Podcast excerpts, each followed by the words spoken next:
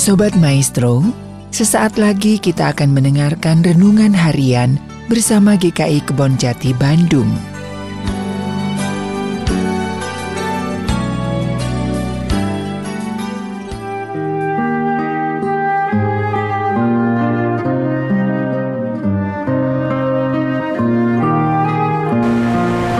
Shalom Bapak Ibu yang terkasih. Jumpa lagi dengan saya Stephen Matthew di dalam renungan harian GKI Kebon Jati.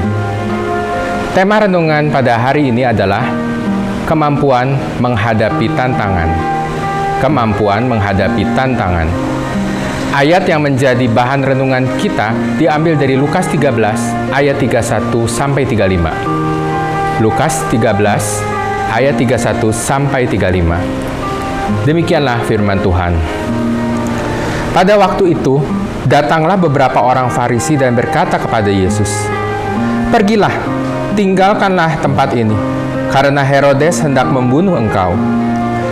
Jawab Yesus kepada mereka, "Pergilah dan katakanlah kepada si serigala itu, Aku mengusir setan dan menyembuhkan orang pada hari ini dan besok, dan pada hari yang ketiga aku akan selesai."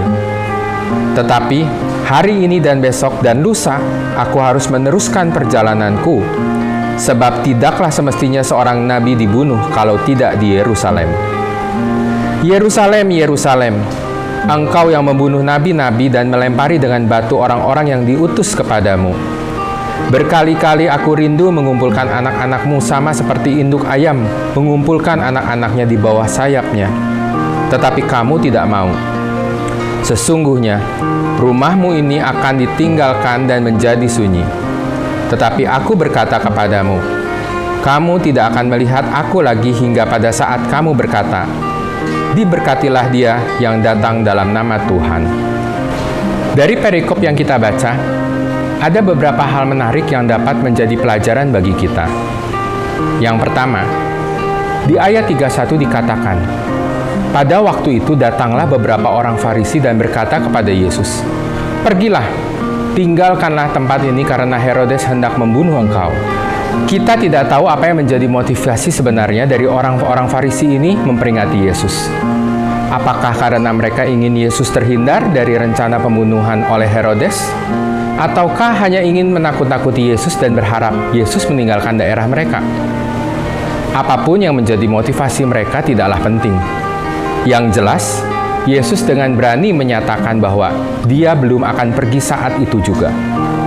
Ayat 32 dan 33 mengatakan, Jawab Yesus kepada mereka, Pergilah dan katakanlah kepada si serigala itu, Aku mengusir setan dan menyembuhkan orang pada hari ini.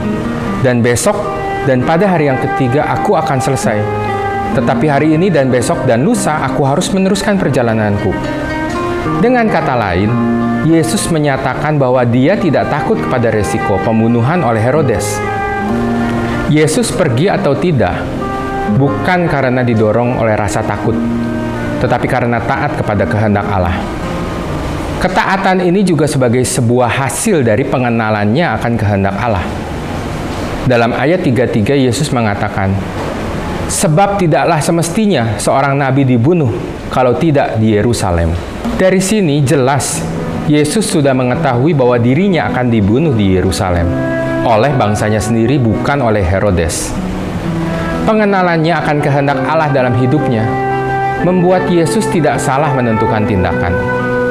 Kadang, situasi seakan memaksa kita untuk mengambil suatu tindakan yang mungkin secara logika benar, tetapi belum tentu apa yang kita pikirkan sesuai dengan kehendak Allah kita perlu meminta belas kasihan Tuhan menganugerahkan kepada kita hikmat untuk memahami apa yang menjadi kehendak Allah untuk kita lakukan. Dan hikmat ini hanya kita peroleh jika kita dekat dengan Allah. Kedekatan dengan Allah dan mengenal kehendaknya akan memampukan kita mengambil tindakan yang benar, bahkan jika kita harus menanggung resiko besar.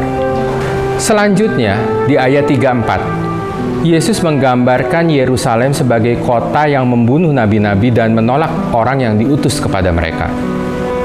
Kita tahu bahwa Yerusalem merupakan kota suci umat Yahudi, kota di mana Salomo mendirikan bait Allah.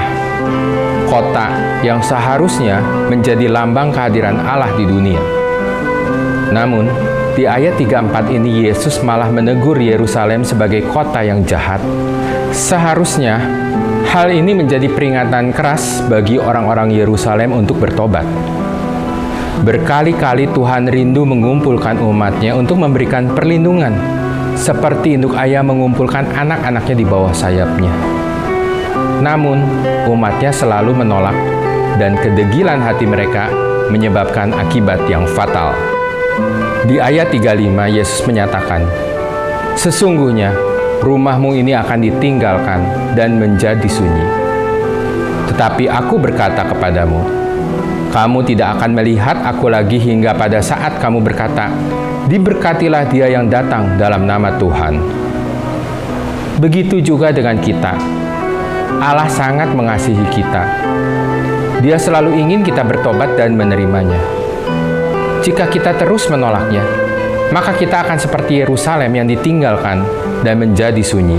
Kita tidak akan menemukan Tuhan lagi hingga kita menerimanya sebagai juru selamat dan berkata, Diberkatilah dia yang datang dalam nama Tuhan.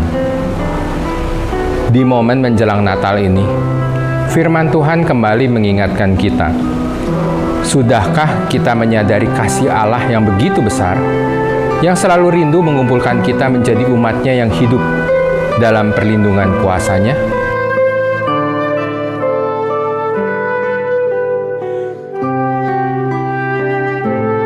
Sudahkah kita menjawab panggilannya untuk bertobat, mengenal kehendaknya, dan hidup hanya sesuai dengan kehendaknya?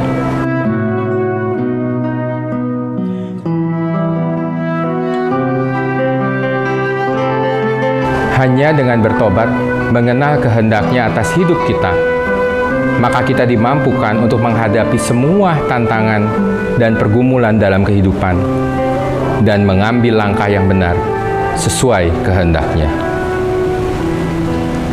Demikian renungan harian hari ini. Tuhan Yesus memberkati.